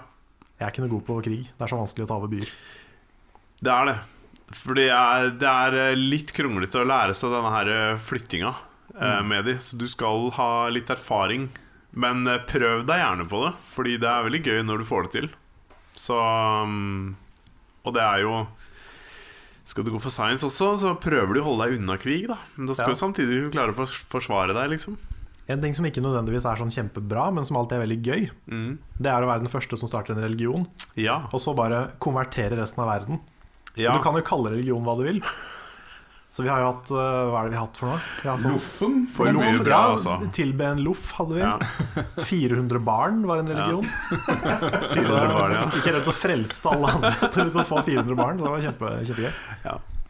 Så det er jo sånn fin underholdningsting. da ja, litt humor. Det Ja. er viktig. Det er viktig. Og det som er så gøy med det, er at du, du får sånne profeter ikke sant? Mm. som kan gå over, til, over grensene til andre. Ja, ja. Så du kan jo bare snike liksom en haug med profeter inn i byene til folk ved siden av deg. Og så bare plutselig så har du konvertert alle til din religion. Og de andre kan ikke gjøre noe med det Ja. uten å starte krig. ja. Så det er, det Så er er det jo veldig morsomt når det står eh, at en by ønsker seg den type religion. Så er det sånn Babylon wants 400 barn. Ja. Altså, det, det er veldig mye morsomt der, da. Vi har hatt verre navn enn det der, så jeg kanskje ikke ta de. Men China wants your mother. ja da. Mye valgmuligheter. Ja. Men, uh, nei, men gå for noe du kan, eller altså, kan klare deg lett med. Så Mm. eh, har du lyst til å prøve noe som kan alt, så er det bare å kjøre Polen. Polen for the win. Yes. Du kan begynne å forberede ukens innfor, uh, Ja. Karl. Så tar vi et annet spørsmål i mellomtiden. Ok Det er fra Karsten Solheim. Hva syns dere om ryktene rundt spillet Rhyme? Så utrolig pent ut på Gamescon, så er ganske skuffa. Eh, jeg har også hørt ryktene, jeg vet ikke om det er bekrefta eller ikke, men eh, ryktene er i hvert fall det at eh, utviklingen på det spillet er eh, Eller hvis Sony har sagt fra seg liksom, rettighetene til spillet, levert det tilbake. Hvilket spill var dette? Prime? Det er, ligner på en blanding av Windwaker Wind Waker og Shadow of the Colossus. Det er veldig sånn cartoonish eh, stil på Ja, det. Så det, ja, skulle det du klatre jeg. rundt, og det var veldig vakkert. Og, Ja, det husker jeg var veldig pent. ja. Dette er utvikla av et eh, spansk selskap. Ryktet går på at eh, um, At eh, de ikke helt klarer å finne ut hva det spillet egentlig skal være for noe. De har en veldig fin sånn proof of concept fra det, men eh, de klarer liksom ikke å lage et bra spill ut av det. Eh, Derfor så har Sony sagt eh, takk og farvel eh, til spillet. Um, Men de må fortsatt fullføre det, fordi de har fått støtte fra spanske myndigheter. Og det ligger noen krav der om at spillet må bli ferdig, ellers må de betale tilbake pengene. Så det, det er rykte, da. Jeg vet ikke om det stemmer eller ikke, men uh, uh, det er jo lenge siden vi har hørt noe fra det spillet nå, så jeg vet ikke helt om uh, Ja, I don't know. Apropos eh, rykter, så går det jo også rykter om at eh, Beyond Good and Evil 2 eh, kanskje er under utvikling igjen. At, Ja, eh, at Nintendo har gått inn og kjøpt noe rettigheter der. Det Også bare rykter, men eh, kanskje. Mm. Ja, det hadde ikke overrasket meg. Jeg, eh, vi vet jo at Michel Ancel deler tiden sin 50-50 mellom det nye selskapet han har vært med på å starte, og Ubisoft. Og det er ganske sannsynlig at det er det spillet han jobber på i Ubisoft. Mm. Så eh, det hadde kanskje vært et kult NX-eksklusivt spill, Ja. Det nye Bayonetta 2, for eksempel. for eksempel. Kan jeg stikke inn en bitte liten en? Du har lov til å stikke inn hva du vil, hvor du vil. Oi, oi. oi, oi, oi. Påskespesial, ja. Ja, det Um, um, Det er det de kaller det. Mm. Ja. Um, har dere fått med dere slash tatt opp EverQuest Next? Som er kansellert. Vi har ikke gjort det, men det kan Nei. vi gjøre nå. Ja. Jeg, um, var for, jeg tror det var for et drøyt måned siden eller sånt, så gikk jeg en tur innom EverQuest Next sin hjemmeside. Eh, og da så jeg ikke at det var oppdatering fra før februar 2015. Nettopp. Og da begynner man jo å rynke litt på nesa. Sånn, jaha, ok Nå har det vært stille lenge. For jeg husker at Det var jo noe jeg egentlig var ganske gira på å anmelde med en gang uh, jeg ble tatt inn i Level Up. Men nå er det jo da kansellert. Ja, det ble jo eh, opptil flere ganger kåra til mest lovende MMO på E3 og sånne ting. Det så jo veldig, veldig lovende ut. Spesielt med den, der, eh, den landmark-modellen, som det het. Det som, skulle, det som ble en sånn egen eh, release på beta. Uh, der hvor du spiller Minecraft i et MMO, mer eller mindre. Du kan jo terraforme, rett og slett.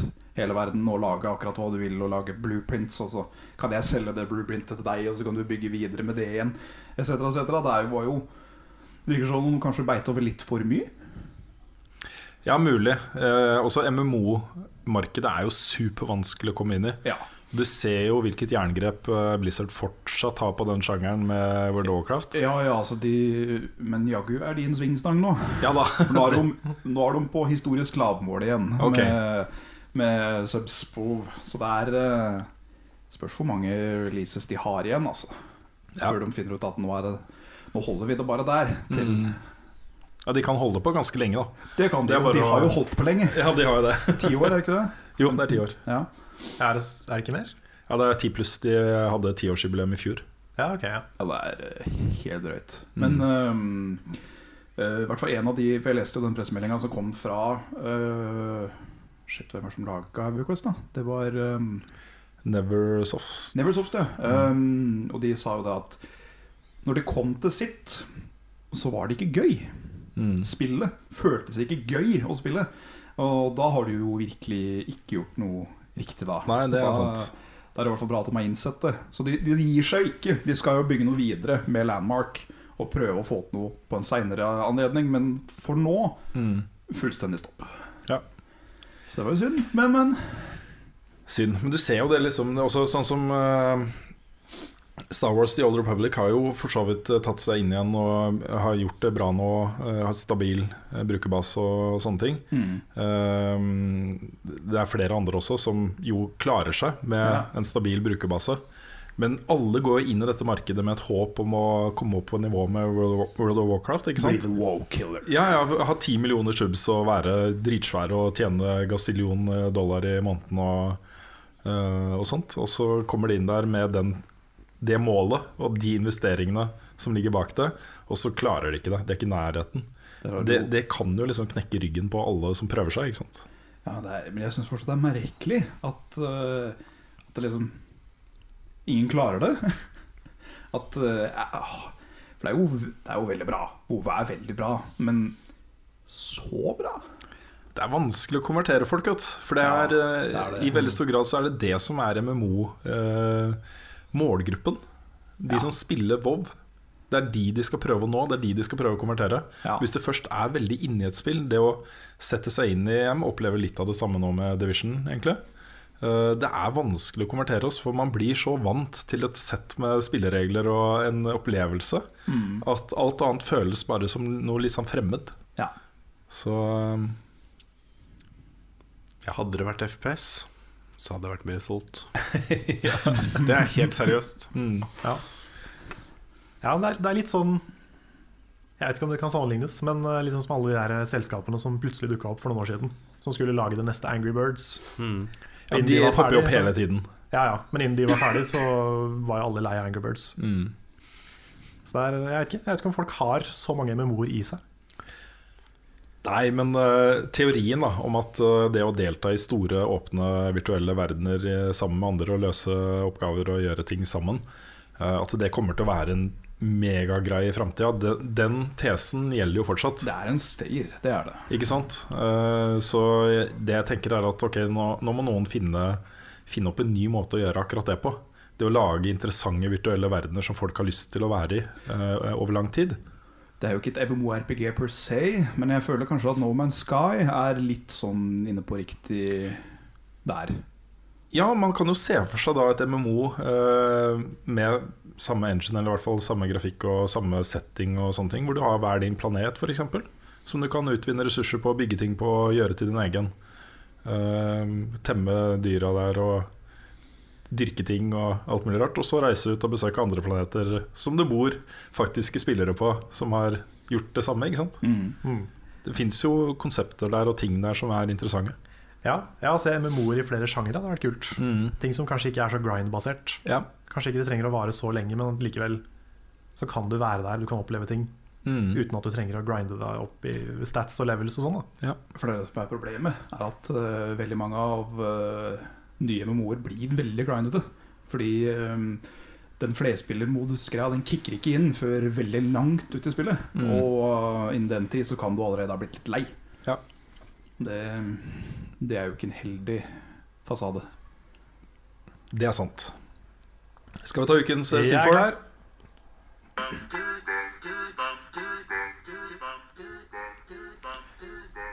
Ukens Sinfor-spørsmål. Siden det er påske, hvilket spill med krimgåter eller mystiske ting er deres favoritter? Ja, Det er da et spørsmål fra Trond eh, Borgersen, eh, også kjent som eh, Sinfor. Hei, Trond. Hallo, hallo, Trond. Et betimelig spørsmål i denne påskeversjonen av Level Backup. Ja. Krimspill. Eller Jeg- mystiske gåtespill. Mm. Hmm. Jeg har ikke spilt så mye krimspill, men jeg har spilt et som jeg ikke kommer på hva heter nå. Det er jo ganske utrolig. Um, Er det det, er, det, er, det er en svær by hvor det er, er det ordføreren eller mayor, mayor, mayor som blir drept. Og så er det um, Det er blant annet uh, noen kids som reiser og besøker en gammel bestemor og sånne ting. Jeg husker ikke hva det heter! Det hørtes ut som mange krimspill. Men det er et sånn, det er sånn eh, episodebasert på en måte krimspill, da hvor du skal finne morderen. Eh, jeg skal prøve å finne ut hva det heter, så kan Mm. dere si noe i mellomtiden. Ja um, Det er jo et, et spill som jeg har litt sånn elsk-hat-forhold til, fordi, fordi det er ikke så bra som det kunne ha vært. Men selve den krimgåten og, og det å avsløre morderen og de tingene der ble gjort veldig kult, det var Condemned. Det syns jeg var et uh, Der spiller du som en detektiv som skal løse en mordegåte, liksom. Uh, men så er det jo veldig voksent. Det er en seriemorder, ting blir veldig tungt. Uh, men det Jeg elska slutten på det. Og så var det elementer inni der som jeg ikke likte like godt. Jeg syns det kanskje var litt unødvendig å gi folk eh, Eller gi spilleren da, muligheten til å liksom virkelig bæsje Ikke, men ikke bæsje, men knuse hodene til folk på vasker og sånne ting. Og jeg bæsjer som i det engelske bæsjet. Ja, BASH, liksom. Ja. Eh, litt sånn overdrevent uh, voksen, på en måte. Mature. Ja, ikke sant? Ja. Uh, helt opplagt Uh, kanskje med en litt yngre målgruppe enn en 30-40-åringer. ja, mature for de unge. ja, ikke sant? Mm. Eh, hadde, de, hadde de liksom ikke vært fullt så spekulative på det, så hadde jeg likt spillet mye bedre. Fordi det var Seven i spillbar form, på en måte. Jeg, jeg likte det. Sånn konseptmessig. Ja. Jeg eh, jobber eh, om dagen med et klassikerinnslag fra LA Noir, Mm. så det eh, driver jeg og spiller. Mm. Jeg syns det er bra. Altså. Ja. Det, er, det er mye i det som er litt sånn Kanskje ikke holdt seg så bra, som er litt uferdig, og mye som ser litt rart ut. Men uh, den grunnmekanikken med avhør og sånne ting i det spillet, den er veldig kul. Mm. Så det koser jeg meg med. Jeg sjøl må si um, uh, Call of Cthulhu. Corners of the Dark Earth. Ja. Det er um, Per se er det vel ikke sånn uh, voldsomt til detektivjobb i den forstand, for det er jo veldig mye overnaturlig inni bildet her. Men det er liksom Du har jo et formål, det bare blir avsporinger hele tida fordi Cthulhu rah. Uh, Men det var, så, det var så mørkt og mystisk og ubehagelig. Mm. Fordi du følte hele tida at når du snudde deg, så var det noen som så på deg. For du var jo da i en veldig ufiendtlig by for mesteparten av det spillet. Som da var Innsmouth. Som var da veldig sånn kultisk, ekkel eh, havneby. Uh, det å gå rundt der og liksom hele tida være litt sånn hm, Har jeg lov til å gå her, da? Blir jeg drept hvis jeg går inn i bakhjørnet der nå? Og sånn. Det, det husker jeg veldig godt ennå. Eh, om det er like bra å spille i dag, det veit jeg ikke. Men uh, det var veldig kult da. Mm. Apropos påskekrim, så er jeg bare helt fullstendig veldig Et eh, lite nyttig tips for dere som hører dette her på fredag, da. Men påskekrimen på TV2, uh, The, The Night Watch heter den, tror jeg. Den er så sinnssykt bra. Jeg ser bare positive anmeldelser og sånn om det. Det er basert på en John Le Carré-bok med Tom Hiddleston og uh, Hva heter han? House. Han eh, Å, eh, oh, ja, han um, Ja. han andre briten. Ja, de har hovedrollen nå. Tom Hiddleston spiller så inn i helvetes bra. i den, og den er sånn derre Sånn sakte spennende. Det er sånn intenst spennende. Det bygger seg veldig sakte opp over tid. Kult. I love it. Yes, Lars, har du fått noe ut av googlinga av Kids Nei, City Mayor? Har ikke det, ass. There's a grandma and also a kid and a mayor. Jeg trodde det var sånn Professor Laton-opplegg, men jeg tror kanskje ikke det er det. Eh, og det plager meg at jeg ikke husker hva det heter, altså. Det um, Men de eh, Professor Laton-spillene er jo kjempegode sånn Ja. krimgåtespill. da Det er de. Jeg har spilt men det jeg har spilt på um, På IOS, faktisk. Mm. Hva er det het den andre avarten? eh, Det, uh, åh, det var også sånn detektivspill. Du spiller en uh, politimann i et lite sånn greie oppe i Minnesota. Skal løse en uh, krimgåte. ja. Fargo, liksom. Tegne, det er sånn veldig uh, håndtegna stil. Huh. Hmm. Nei. Jeg vet ikke. Men, Men, uh, skal jeg google- skal, skal google litt? Fargo? Sånn Fargo like hand-drawn game from Men altså hvis du vil ha liksom sånne politispill som er gode, så, så spill de gamle Police Quest-spillene. De er jo så vanskelige. De er, Du vet de er ikke det! det er, altså, du, må gå, du må gå bort til et skap, og så må du skrive liksom open. Det er bare det første. Er det bare det første? Det er bare det første. Okay. Det, alle de andre er klikkbaserte. Ja.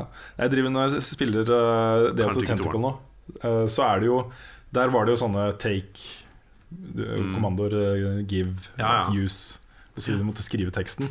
Her har du lagt inn de da som menyvalg eh, på et hjul. Du holder inn en knapp, og så får du opp et hjul, og så velger du en av de. Liksom. Ja. Uh, Ja, for det er sånn Du må bort og skrive 'open door', men uh, du kan også forkorte. Så kan du skrive OD. Kan du det? Ja. Yes, funker. Vet du hva, Jeg klarte aldri å runde Police Quest. Jeg fikk en PC hjem i hus eh, altså, Jeg husker jeg var, kanskje jeg var 14 år gammel eller noe sånt. Ja. Eh, med da eh, Police Quest-spillene og Space Quest-spillene. Ja. Og Space Quest det spilte jeg mye. det digga jeg. Men jeg klarte ikke Jeg klarte ikke Police Quest. Jeg klarte ikke å komme meg ut i det spillet. Nei, jeg syns det er ganske spennende. Det som er morsomt hvis du spiller særlig Politisk Quest 1 nå, bare sånn, eh, det er at eh, dagens datamaskiner er for bra. Så når du skal kjøre politibilen, så er det sånn for hvis du krasjer med den, så krasjer du og dør. Og da må du starte forfra, eller fra forrige save, liksom. Og det går så fort! og hvis du skal sette på sirena, så går det jo enda fortere. Så det å klare å så, så liksom runde disse hjørnene eh, For det er jo sånn Dette er firkantbasert grafikk, for å si det sånn. Det skal du svinge til høyre, så er det insta til høyre. Det er ikke noe sving på det. Uh, og bommer du litt, grann, så, så dør du. Og det, det, det går for fort, så du må ha en eller annen uh, funksjon da som du kan skru ned hastigheten på spillet. For ellers Ja, går det sånn ikke an å spille liksom. Eh, hva sier du? Ja, sånn at du, du låser frames eh, eller noe sånt. Ja, eller at du bare skrur ned prosessorkraften. Altså hvor mye den Altså du slower den ned, da. Ja. Um, Jeg husker jeg sleit med det i, eh, i de, de gamle GTA-spillene. Ja. Som GTA 1 og 2. ja, ja, Det er sånn setter seg inn i en bil, og så bare ja. rett i veggen. Men det er jo samme type greia, da. Fordi Ja. PC-ene er for bra, liksom. Så de, den klarer ikke den overgangen til, til samme klokkespeed. Så skjønner den ikke hva som skjer. Nei. Ja. Men uh, siste eksempel på krimspill. da Det mordmysteriet i Persona 4. Det er noe av det kuleste i det spillet. Mm. Det er uh, veldig, veldig kult. Bra bygd opp hvem morderen er, og du kan gjette deg til det hvis du er eh, oppmerksom. og sånne ting Tøft. Veldig kult. Er det ikke et annet sånn tegne, tegneserieaktig spill, japansk, som er sånn krimbasert? Jeg tenker ikke på Phoenix Wright. Eh, Vi kan ikke navnet på disse spillene! Det er jo helt tragisk. Men det er ikke Phoenix Wright. De fremste spillekspertene i Norge. Ja, men dette er jo mer sånn Carl sin, eh, sin, sin greie da enn min. Um, Nei, ja, jeg vet ikke, jeg tenkte kanskje det var i samme gate som det, men det var kanskje ikke det. Nei, jeg vet ikke hva, vet ikke hva det er. Nei. Never mind. Jeg sa ingenting, så bare Hvis det ble et sånn merkelig opphold i podkasten, så vet du Får du ikke vite hvorfor. Sensurert. Jeg tar et spørsmål fra Jakob eh, Skrede Langedal, som Ja. eh, vi jo spiller ganske mye med. Eh, han spør er det lov med et Destiny-spørsmål. Da kan jeg ta det først. Er det lov med et Destiny-spørsmål? Ja da. Ja, la gå. Ja, la gå. Siden jeg er her, så foregår det. Ja, ok, det er bra. Eh, ja, hvordan går det med din Destiny-karriere, forresten? Jo da, det, jeg er jo maks level. Du er det, ja? Ja, ja. Har du raida nå? Mm. Nei, men vet du hva? Da gjør vi det. Ok. Jeg er så klar. Mm. Jeg er så klar. Ja. Bjørn også er uh, klar, kanskje? Det veit jeg ikke, Nei. men jeg er klar. Ja, ok, men det er bra. Ja. Da får vi til det. Yes. Ja, da blir jeg med. Hvis det, Ja, ja, det er jo, kommer til å bli kanongøy. um, spørsmålet hans er rett og slett Hva tenker dere om den nye april-updaten som kommer? Har du satt deg litt inn i det? Nei, jeg har ikke det. Hva er det som kommer, da? Nei, det kommer jo PVE, nytt PVE-innhold. Ok, det gjør det. Ja. det vises fram uh, mens vi sitter og streamer i kveld. Så viser det fram de første tingene fra det. Stemmer. Jeg så en tweet om det greia at det skulle komme sånn hva skjer med at Bungie alltid streamer Ja. samtidig som oss? Ja, Nei, det- det er jækla dårlig gjort. Ja, Juling skulle fått. Utrolig Ja. Jeg er sikker på at de sitter og ser på når vi streamer. jo, de har jo fått schedulen vår, så de burde jo vite det. Ja, de burde Ja, vite Så det. ja. Vet ikke hvem vi er. ja, nei, jeg vet ikke. Nei. Altså hvis, hvis ikke de følger med på aktiviteten til Rune Fjell Olsen, så har de ikke gjort jobben sin med community. Altså. Men uh, det det er snakk om, er uh, nytt PVE-innhold. Det blir nytt max level. uh, Det blir nytt og oppdatert gear. Uh, og det de har hinta om, uh, er at uh, det blir en ny og oppdatert uh, Prison of Elders. Oi, det er litt spennende. Ja, det kan være litt spennende. Det det sannsynligvis er, er en Taken Prison of Elders, vil jeg tro. Ja. Uh, det de har vist fram, er jo Guardians med Taken uh, enten uh, shader eller uh, armor. ja. Så de ser ut som Taken. Oi, det hadde vært kult. Ja, det var, så, så Hvorfor har ikke, de, har ikke de gjort det for lenge siden? Nei, Det er ganske kul visuell stil de der Taken folk går for. Altså. Ja. Men det er eh, litt, litt for lite, litt for sent. Ja. Ja, det er det. Ja. Det er lenge siden jeg har logga inn på Destiny nå. Altså Jeg spiller jo fortsatt Destiny, men kanskje bare en tiendedel av det jeg gjorde før. Eh, Jeg er innom av og til fordi jeg syns det er kos. Mm. Eh, Spiller litt PVP, spiller litt Trials for Cyrus, spiller Arm Banner når det er. Mm. Uh, Ja, PVP er jo Der har det jo skjedd ting. Ja. Men for de som bare spiller PVE, da, så er det jo lenge, lenge siden det har vært noe. Ja, jeg har aldri likt Prison Oilers. Jeg, jeg syns det var kjempegøy én eller to ganger, og så var jeg lei. Da hadde jeg Mm. følt at jeg hadde gjort eh, det jeg trengte å gjøre der. Ja. Så, og det der er jo en eh, sånn, litt sånn dungeon-basert, hvor du kommer inn i et fengsel, og så er det uh, noen rom hvor det er fiender. Og så skal du bare renske tre waves med fiender, og så skal du gjøre det fem ganger, og så er du ferdig. Er ikke det som heter horde mode? Horde mode? Ja, det er litt det, er litt det men eh, det, er, det er mer begrensa, for du har en definert wave. Når den er over, så får du litt pause, og så kommer det en definert wave til. Eh, det er ikke sånn. veldig ensformig ut i lengden. Ja, i lengden så kjempeensformig. Uh, den siste fighten her mot Skålas er gøy liksom, hvis den gjøres eh, skikkelig. Men eh, de første tre månedene eller noe sånt så satt jo folk bare på huk i hjørnet av mappet med en det, god sniper. Mm. Uh, og cheesa det, liksom. så gjorde de noen endringer som gjorde at det var mulig å faktisk spille den ordentlig. Ja. Uh, og da gjorde jeg det en gang og syntes det var kjempegøy. En Mm. gang, og så var det ikke Ja. noe vits å gjøre det mer. Jeg var jo ute av Destiny når den pakka der kom. For det var jo House of Wolves. Det, så da spilte jo ikke jeg Destiny før Taking King kom igjen, så jeg var jo aldri med på de greiene der. Um, men jeg prøvde, har det prøvd i ettertid, og jeg syns jo den fighten er eh, passe gimmicky og gøy. Ja. Og den er, når den er vanskelig Altså når, du spilte, når vi spilte den på en høyere vanskelighetsgrad, så var det ekstra gøy, for da blir det en ekstra utfordring å få det til. Så um, Ja, men problemet med Prison of Elders var uh, både at det ble litt fort uh, gammelt nytt, mm. Og at rewardsene var altfor dårlige. Altså Ja. det, du fikk, det du faktisk fikk for å gjøre det, var jo bare dritt. ja. Så- Kjedelig eksotisk våpen. Ja, ikke sant. Mm. Uh, nei, Destiny er i, i eh, virkelig trøbbel om dagen. Det skjer ikke nok. Det er uh. Virker som de bare har satt, eh, Ja. satt i andre gir, og så skal de bare Mm. passe på prøve å ikke miste altfor mange spillere før de gir ut Destiny 2 neste år. Og da DLC-en til høsten, selvfølgelig. Men uh... Jeg syns noe av det kuleste vi kom med siste, var dette her Crimson-greie. Hvor det er to stykker som spiller trials. Ja. To mot to. ja. Og det er sånn Det varte jo altfor kort. Og så for de som spiller PVP og syns det er gøy ehm, Og det, det kunne, Det der funka jo også for folk som ikke har spilt så mye PVP, men jeg, da. For jeg spilte Mm. med en som ikke har spilt det så mye. Og det um, De burde gjøre mer av det. Nok Destiny. Ja, jeg tror vi har tid til ett spørsmål til før vi må gi oss. Ja, Bare ett spørsmål. Bare et spørsmål. Er det noen som har et fantastisk spørsmål, eller skal jeg bare ta et vilkårlig et Uh, som jeg finner Jeg hadde et veldig koselig et som uh, var her, da, men um, Ok? Ja, vi har fått en ganske grei utfordring av eh, Christian Laksmark, som eh, ber oss om å si noe Hver av dere skal si noe positivt om hverandre. Også en eh, sånn hjerte-emoticon til slutt. Ja, men det er jo koselig. Veldig koselig. Koselig måte å avslutte på. Ja, Vi skulle fått en litt sånn hyggelig sånn pianomusikk i bakgrunnen. alt mulig nå. ja det Ja, hadde det vært, kan du vel eh, hadde vært eh, nice. Fint hvis noen som redigerte bare kunne fikse det. Så, ja, det hadde vært veldig ålreit. Kan du ikke også legge en sånn animasjon for alle tinga vi sier i hele, hele podkasten? Alt kan Ja. fikses i post. Ja, ja da. Ja. Nei, men hvem eh, vil begynne? Kan ikke du begynne, Karl? Skal jeg begynne? Ja. Ja. Hmm. Jeg prøver å finne på noen sånne unike ting å si om hver av dere. Ja. Men, øh, men en ting som er felles for alle, da, er at jeg syns dere alle sammen er veldig snille og omtenksomme. Og veldig hyggelige folk. Veldig uh, trivelige øh, og åpne, ålreite mennesker. Og det setter jeg veldig pris på. det var koselig, Så det, det gjelder dere alle sammen.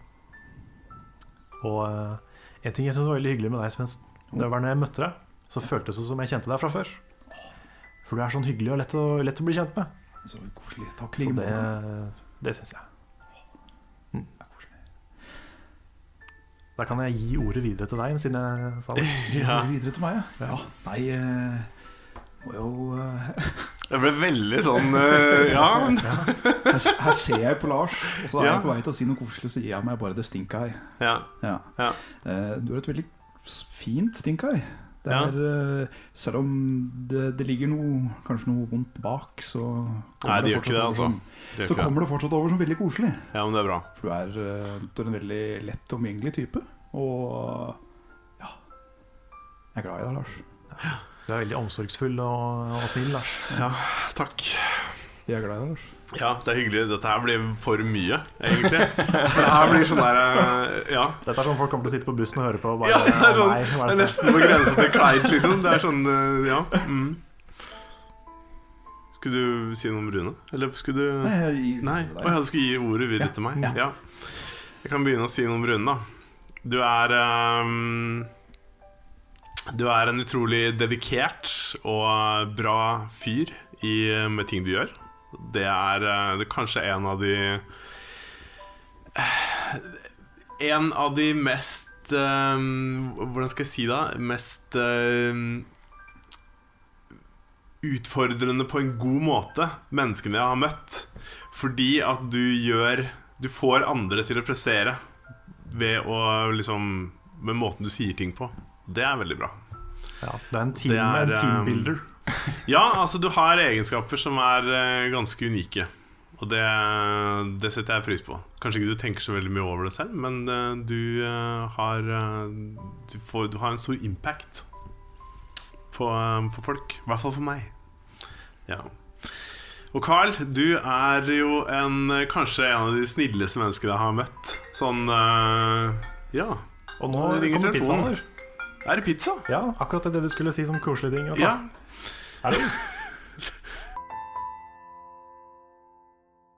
Begynte jeg på det? Ja. Ja. Um, jo, du er et av de snilleste menneskene jeg har møtt. Som uh, rett og slett bare har uh, en ufattelig omtanke for andre. Du også. Så det er um, Det er det jeg har å, å si. Og du, Svendsen, ikke minst. Uh, du også er jo en jovial og veldig hyggelig kar. Som jeg setter pris på. Hatt mye gode samtaler med. Det, det liker jeg. Takk like Det er hyggelig å kunne snakke om ting. Det er det. Ja. Det er det. Ja. Det er ikke bare lett å si positive ting Det er lett å si positive ting om andre, men det blir veldig sånn Kjenner du at det liksom Det bygger seg opp? Ja, ja. Nei, jeg, jeg er helt enig. Uh, jeg vil si det samme som Lars sa, da. Liten ditto til dere begge. Eh, litt samme som du sa til meg, Carl, er at uh, det blei veldig lett å liksom bli kjent med deg. Ikke bare som en arbeidskollega, men også som en venn i dette livet. Dette sjølve livet. Og du har jo blitt en av mine bedre venner. Du har jo det.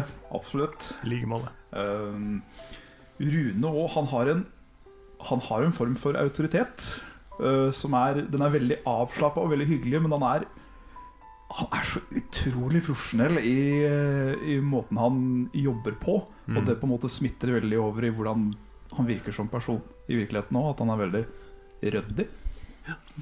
Ja, fortell det til kona mi. Det, Ja, men en, ting som er fint, er at liksom Selv om vi, det, er, det er mange ting vi ikke er så ryddige på, og mange ting vi ikke har så kontroll på i selskapet og sånn ennå.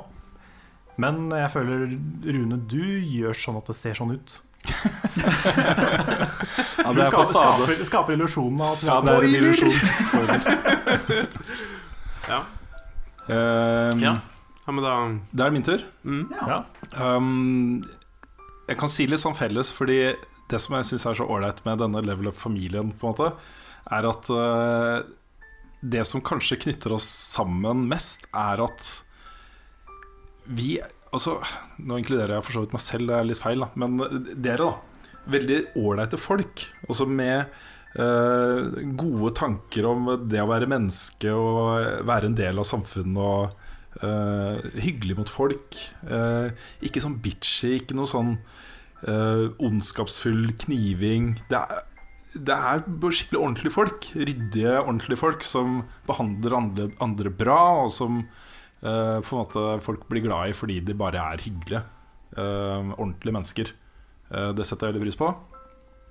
Og så sånn jobb, jobbmessig så er det ingen av oss, føler jeg, som er noe sånn ekstremt eiesyke overfor eh, våre egne ideer og sånne ting.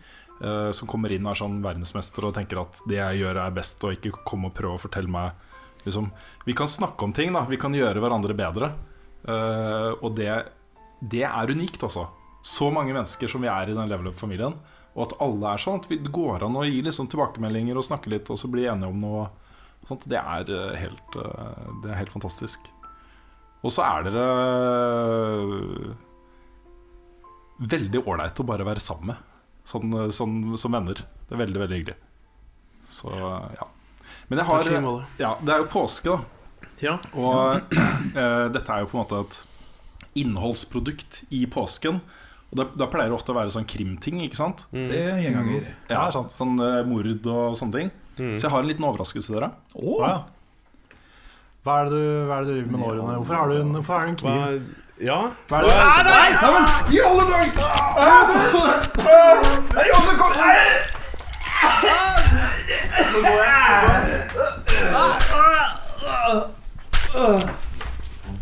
Kan du slutte å blø på meg? Og husk, dere kan støtte oss på Patron. Dere finner oss på patron.com slash levelup. Norge det holder med en tier eller to i måneden. Det er inntekten vår. Så hvis du liker det vi gjør, så, eller det jeg gjør nå da, i dette tilfellet, så er det der eh, du gjør det. Takk for at du har hørt på denne podkasten. Vi er tilbake igjen med flere videoer gjennom påsken, og med masse kult eh, over påske.